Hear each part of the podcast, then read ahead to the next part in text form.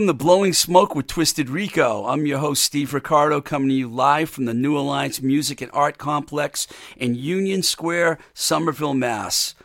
I want to say a few words and tell you a few stories about a good friend of mine that spent her entire career working in the music business and unfortunately has passed away recently.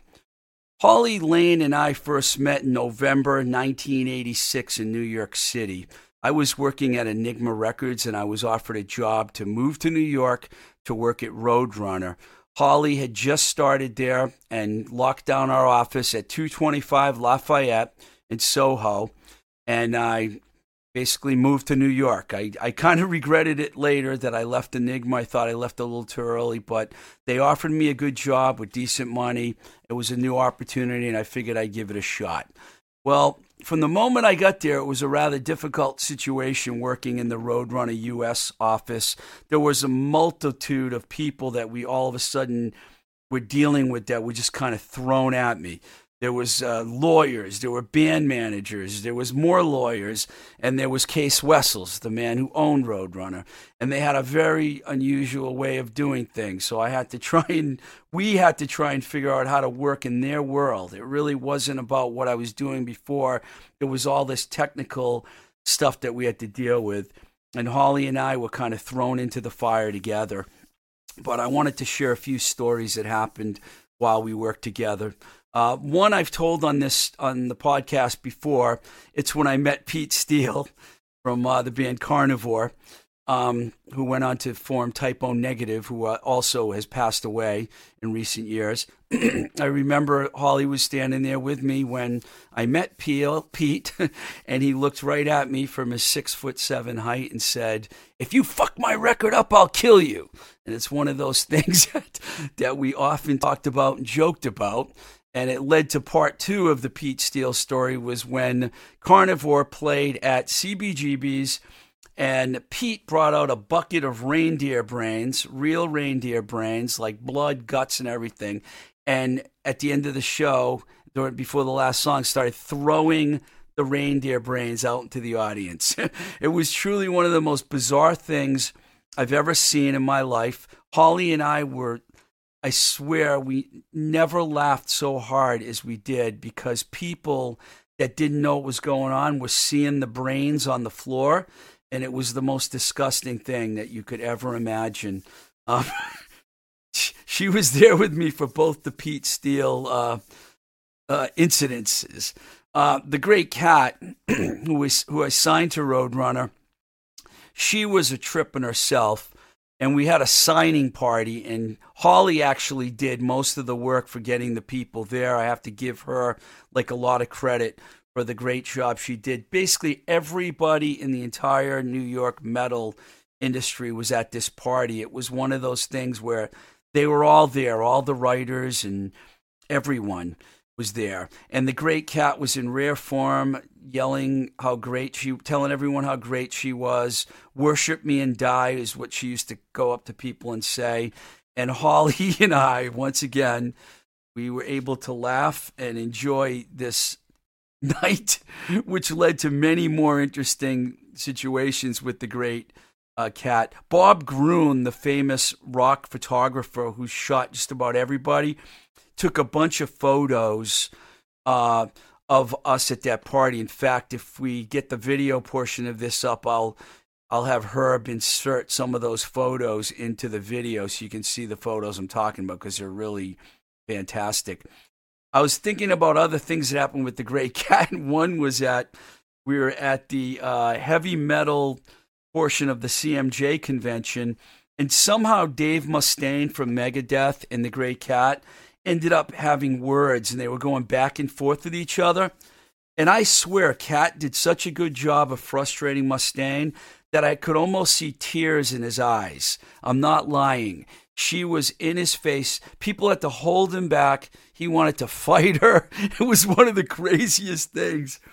Holly and I were always together when the bizarre stuff was happening, and that was really bizarre when we weren't like out with bands and seeing shows, we actually hung out at downtown Beirut, which was a cool bar on uh, First Avenue between 9th and 10th.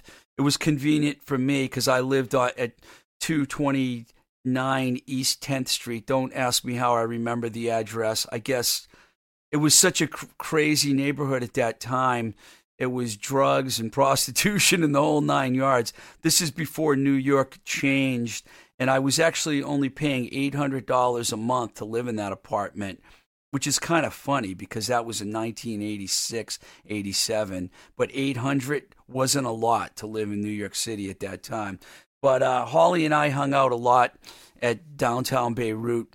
And, um, you know, we liked to have a few drinks. In fact, as time went on and we worked in the office, things were getting so bad there that we started drinking earlier and earlier every day. It would be like at six o'clock, let's get a six pack and finish up. Then it was five o'clock. Then it was four o'clock. Then it was three o'clock. Let's just start drinking at lunchtime. And we did because it was a miserable situation. Another thing I remember about working with Holly, she turned me on to this band called INC, otherwise known as Indestructible Noise Command. She first played them for me. I love that band. I ended up signing them to Giant Records about a year later. And of course, I called her up and told her I'm going to give her all the credit for turning me on to this band because she did. And um, she was really psyched that I actually signed them.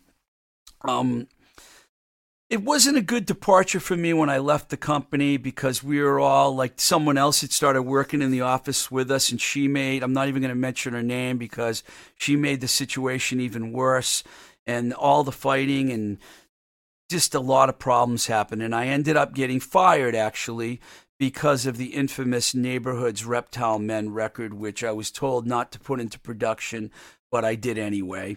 And I left there and we just, you know, said goodbye and everything. It was cool. And uh, then we just stayed in touch over the years. And it wasn't until several years after that that we hung out together in St. Augustine in Florida and we had a blast.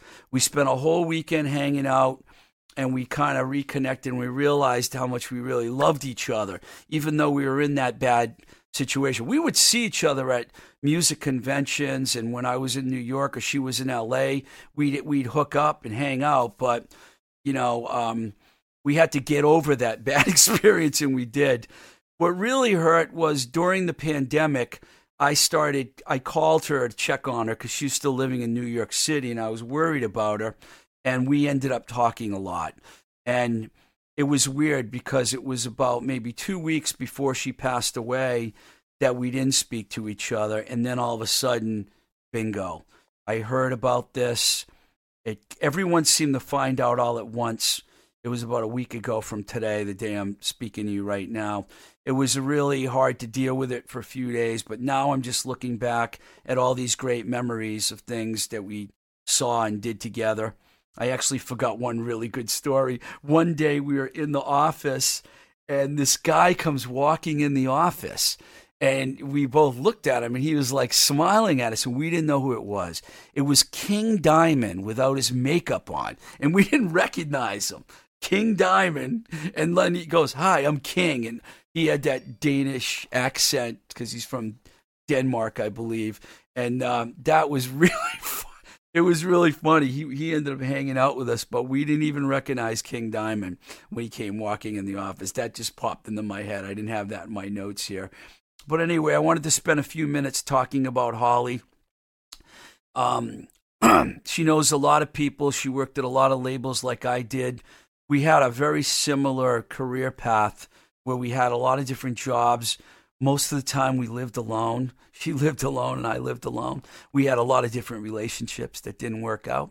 And uh, we, we, we had a lot to talk about whenever we spoke. And knowing that she's no longer in on this planet or alive, however you, want to word it, it's definitely something that's going to be hard to live with. Not just for me, but for uh, anyone else that knew her. So, um, Rest in peace, sweet lady. Holly Lane. Okay, I'm going to move on here. The Ace of Heart Story compilation record is so good, and the response to our show about the record and its producer, Rick Harte, still has people buzzing. So I decided we should play another track from that record. So here's one of the great songs from the Ace of Hearts story. This is the Real Kids doing the track Somewhere West of Nowhere.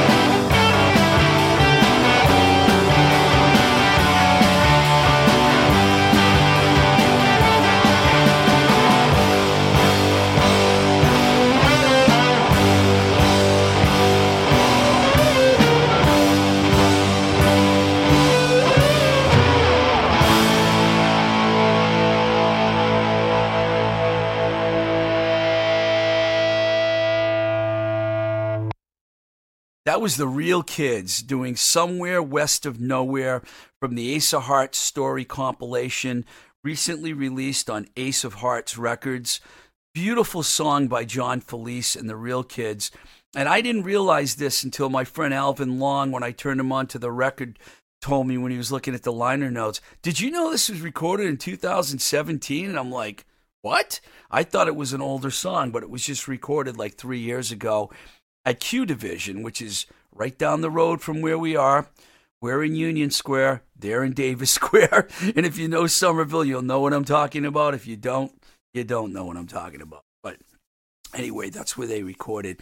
Uh, the Real Kids are one of the truly great Boston bands that emerged from that remarkable era which was from about the mid 70s through the mid 80s, really. You know, Willie Loco Alexander, DMZ, Jonathan Richman and the Modern Lovers, the Nervous Eaters, Thunder Train. You might remember we had Mark Bell from Thunder Train on the show not too long ago. The Neighborhoods, who we like to talk about a lot, and the Liars. All those bands uh, and many more came from that era. Um, the last three episodes that we've recorded have been uh, pretty fantastic, actually.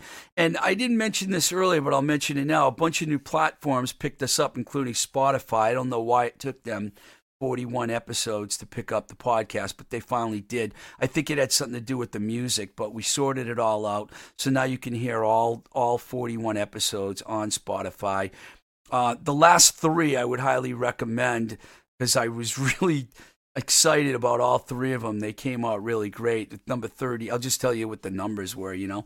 I, I, don't even have to tell you the numbers. One was called Back from Quarantine and Blowing Some Heavy Smoke with New Music from Poor Jim and songwriter Bill Trudell. Then we had the Ace of Hearts one. And then the last one we did was It's Time to Get Rid of the Confederate Flag for Good, timely, and with new music by Taylor Swift. Uh, we talked about Creem Magazine, played a modifier song, and we talked about Almost Famous. Speaking of Almost Famous, the film, my good friend Heather out in Colorado who is an avid listener of the show and gives me lots of great feedback, not just with the show, but with life in general. She recently told me that um, she watched Almost Famous with her 16 year old daughter, Nina. And I just thought that was the greatest thing ever. I was actually talking with Heather on the phone a few days ago for about an hour, and she gave me so many great ideas, but I was drinking wine the whole time. So by the time I got off the phone, I was like little bit sloshed. And I don't I don't remember a lot of the conversation, so I do remember asking her to send me notes from the conversation. I know that's kind of a funny thing to say. She thought it was funny. Can you send me notes from this conversation cuz I won't remember that we had it, you know? I didn't it wasn't exactly that bad, but but uh, maybe I'm exaggerating a little. But watching Almost Famous with your teenage daughter, Heather, that's what I call great parenting if you're going to teach your kids about life, you might as well start in the 70s and let them know about all the crazy things that happened back then. And that film is like the epitome of that. Um, I'm proud to say that we actually have two sponsors for this show. Um, we actually were supposed to have two shows, but this turned into one. It's a long story. I'm not going to get into it. Sometimes technical things happen, whatnot. So I'm kind of combining the two into this show. The first sponsor is Baby Loves Tacos, straight out of Pittsburgh, PA. Uh, my good friend Zach Shell, who owns and operates Baby Love Tacos, sent over some nice copy, which I will share to you. Uh, this is good. Here we go. The team at Baby Loves Tacos is ready to serve you, masked, sanitized, and ready to slay fascists. Our contactless walk up ordering and web ordering is just what the doctors and nurses ordered, literally. You can order at babylovestacos.square.site. We have been digging in and rallying support to donate 400 meals a month to a local Pittsburgh women's shelter. If you want to support this initiative, you can purchase a pay it forward meal on our website. And Zach added this in. This is not me. He writes, also vote. Let's eject. Let's hit the eject button on the orange Muppet and start building a better world. And of course, we second that here at uh, Blowing Smoke with Twisted Rico. Um, Baby Loves Tacos has two Pittsburgh locations. The original spot at 4508 Liberty Ave in Bloomfield, right in the heart of the uh, of Pittsburgh's Little Italy, and then they opened a newer location at 524 Grant Ave in Millvale, which is just over the 40, 40th Street Bridge. If you're in Pittsburgh, and I know I have a lot of listeners there, so you probably all have been going to Baby Loves Tacos, but tell your friends. Uh, or if you are visiting and you want some amazing burritos, tacos, etc., check out Baby Loves Tacos. Say hi to Zach, Kat, Kaz, John, John Sandy, and tell them all that Twisted Rico sent you. Um, I really missed that place. When I was living in Pittsburgh, I actually worked there for a while, and I would eat there every single day. The food is fantastic. Okay. Um, one of my favorite people in the world, seems like I'm talking about a lot of my favorite people today, so we're just going to continue on with that, is singer, songwriter, musician Merilee, who has also performed and released records under the moniker Merilee and the Poison Orchard. Orchard. Orchard. Orchard. Orchard. O R C H A R D, if I'm not pronouncing it right. And they are in Brooklyn, New York. And uh, Merilee and I met around 2007, 2008 when I was living in Phoenix, Arizona, where she had located from Portland, Oregon, and I had arrived from living out in Santa Monica, California for about a year. And we became good friends, and of course, I was enamored with her solo record entitled simply Merilee. In fact, I liked it so much that we re released it digitally on Red Car Records with one additional track, which was a cover of the Charm song Star Rider from their album Strange Magic. It was just Merilee and a piano, and it was a brilliant version of the song. I mean, I, we're not playing it here today, but some other time I'll play it because I have another track of hers that we're going to spin in a few minutes. But if you haven't heard that, you could probably find it anywhere online, YouTube, whatever. It's uh, Merilee Star Rider, song written by LEV and Joe Wisda from the Charms and re-recorded. Um, Merilee released a couple released a couple more records after that one. Once uh, she wrote relocated to uh, Brooklyn, New York, and formed her band Merilee and the Poison Orchid. There you go. I said it right that time. 2010's uh, Time in Hell and two, 2014's Diminish. Um, we're going to play a track from the 2010 record, Time in Hell. Uh, this is called um, I've Been So Good. This is a song that I love, and I hope you'll enjoy it too. Merilee and the Poison Orchid, I've Been So Good.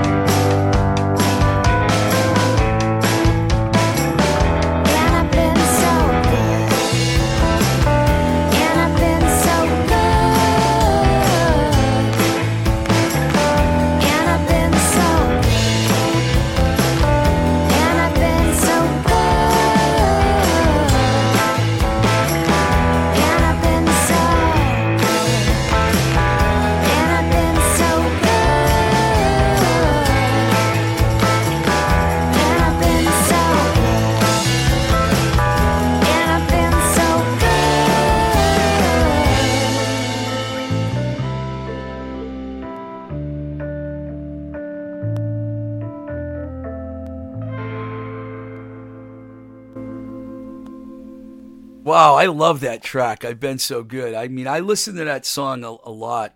The eyes, of, the, the the line about the guy with the blue eyes. You know, I always imagine she's singing the song about me. You know, when you hear a song, you want to be, wow, that song must be about me. but I don't think it is. But anyway, I want to imagine that it is. That was Lee and the Poison Orchid. I've been so good from the Time in Hell record. Let me see some. I'll give you some credits from that record. Um, Merilee Ruth Russo on vocals, pianos, and Rhodes. Rafael Montoya plays the bass, background vocals, and mandolin. Brad Allen Dennison on guitars. Danny Hollis on drums and percussion. It was recorded at Grand Street Studios in Brooklyn, New York. I'll even give you the engineers' names because I like one of these names Tomek Myrnowski. Myrnowski. I think he's probably Polish. Tomek Myrnowski and Ken Rich. Sorry, Ken. I didn't mean to spend so much time on Tomek's brilliant name because Ken Rich is a rich name, too. Very rich. Very silly all of a sudden over here.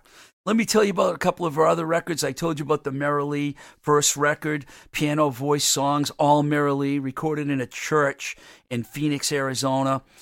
It felt a little blasphemous at the time while singing a few of those songs, as a quote from Merilee. It was recorded by Chad Sundin. And the Diminished record is um, Merilee once again on vocals and pianos, Rafael Montoya on bass, Adam Bellard on guitars, and Olli Hirvonen on guitars. He's from Finland, I do know that. Arthur Vint on drums. It was recorded at Bunker Studios in Brooklyn, New York. Sound engineer John Davis. Mixer Larry Crane in Portland, Oregon. She sent it all the way to Portland to get it mixed. I like that. Mastered by T.W. Walsh. I'm giving you like all the info you could ever imagine uh, regarding Lee. She's all over the internet. She's got a new project she's working on. Of course, she's she lives in Brooklyn, so she's been kind of like you know cooped up like many of us have, and um, I'm sure she's going to have some new music out soon. We've been we keep in touch and uh, look forward to hearing all her new music. Great singer, great songwriter, great piano player, great friend, Merilee. Okay, what's next? I wanted to talk about the great Ronnie Montrose, who I had the honor of meeting back in the 80s and signing to a one off deal just before I left Enigma Records. In fact, it was the last thing I did before leaving the label, but probably one of my proudest personal greatest accomplishments if i can say all those words right in a row because i was such a big fan. The debut album simply entitled montrose released released in 1973 on warner brothers is one of the best hard rock records ever made. And the song make it last is probably one of my favorite songs ever. When I was about 13 years old and I started discovering bands like Black Sabbath, Queen, and Montrose, I used to play a I used to play air guitar and a hockey stick in front of the mirror, and Make It Last was one of my favorite go to jams. I remember when I was 17. No, no, no. You didn't really need to hear that, did you? But I figured I'd throw it in there anyway. Um, Ton Mastry, rest in peace. It really bums me out that I'm talking about so many people today that aren't alive anymore, but it's reality. We're all, we're all, we only live can only live for so long. Ton, who was a great friend of mine, also the famous disc jockey, called me one day and said, "quote You know, Ronnie is looking to release a new record. Do you want to talk to him? I can make it happen." And I was thinking, Ronnie Montrose wants to talk to me. So we did start talking on the phone, and one thing led to another, and signed him to Enigma Records. And the record was called Mean. It was his first record that he had released in nine years under the, the name Montrose. Um, he ended up producing this band called Heathen, and I tried to sign the band to Roadrunner when I was there, and they actually got stolen from me the night before they were going to sign the contract. Their lawyer called me up and said, I'm sorry, but we decided to go with Combat Records. And I called Ronnie the next day, and he was like, I didn't even know that was going to happen. And he was just you know, he was cool about it and everything, but it was we almost got to work together again, but it didn't happen. Um, Make It Last, one of the greatest hard rock songs ever and one of my personal favorites. I was thinking about Ronnie's recently, and as I often do, and reflecting on his great career, he played with Van Morrison, Boz Scaggs. He had a great run with the Edgar Winter Group. He played on the amazing album They Only Come Out at Night, which had two huge hits on it Frankenstein and Free Ride. And all of this was before forming Montrose in 1972, which he did with Sammy Hagar on vocals, bassist Bill Price, and drummer Denny Carmassi. Um, Montrose disbanded in 1977, and Ronnie then spent a bunch of years working with the band Gamma. So for Tom to put us in touch and be able to get a deal done with him and make that record after nine years um, being away from Montrose was very special. And I'll never forget that and the times we spoke on the phone. And, and then we hung out one time in New York City, which was awesome. I believe it was around 88. Um, he was on tour with Allan Holdsworth. Two guitar gods were touring together. And I, I remember he called me, said, You want to go? He left me tickets. Then I went backstage and we hung out with Ronnie all night. He, just a great guy, one of the great guitar legends to ever come from the United States. Um, I have a letter here I want to share with you guys that I got. If I get good emails, I'll read them on the air. I'm going to read this one. Um, this is from longtime music critic Chris Parcellin, who also produced the fantastic film Boys from Nowhere, which is a great film about the early Boston garage scene. Kind of fitting because we were just talking about the real kids. This is the note right here that he sent me. hey, Steve, really loved your Rick Harte podcast. Rick is the goddamned man, as you know, and an exceptionally good person. I think anytime someone can shine a light on him and remind people what he means to Boston and to rock and roll is a great thing. It was really good to hear the Hoods as well. You inspired me to post Bygone Era on my Facebook page. Hope you're doing okay in this generally chaotic world we now find ourselves immersed in. Stay cool, Chris. Thank you, Chris, for sending that note it meant a lot to get an email for a, from an established writer like that who wrote a lot of good things about bands that I managed over the years. So I appreciate that, Chris. Thank you. I had mentioned earlier in the show that we have two sponsors for this show, and now we're going to talk about the second one. Um, the Dark Horse Public House, located at 499 Broadway, right here in Some Some Somerville. Their website is thedarkhorsepub.com. The Dark Horse Pub is operated and run by Desmond and Rosine. Desmond Grace and his partner Rosine O'Rourke. And Desmond, I like if someone's going to sponsor my show, I say send me the copy and I'll read whatever you want, and that's why it's happening this way because this is the way I want it to be. I want to use their words. So Desmond sent us this copy, which I'm going to share with you right now. Um, to all our regulars and future regulars, we here at the Dark Horse have spent the last three months in the keg room drinking all our inventory and gaining a ton of weight. Well, only partly. We also tried to make life easier by offering no contact grocery pickup and working with schools and parents to provide 300 food insecure people a week with fresh food. We're getting ready to welcome you back for summer with dishes and drinks as we emerge into the world. I think that actually might be this week. Outdoor seating is in the works, so we'll keep you posted on our website, Facebook, and Instagram at Dark Horse Pub.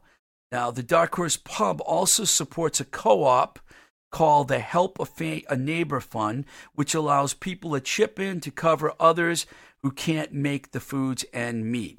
Check out their restaurant, which is in the upcoming section of town known as Magoun Square.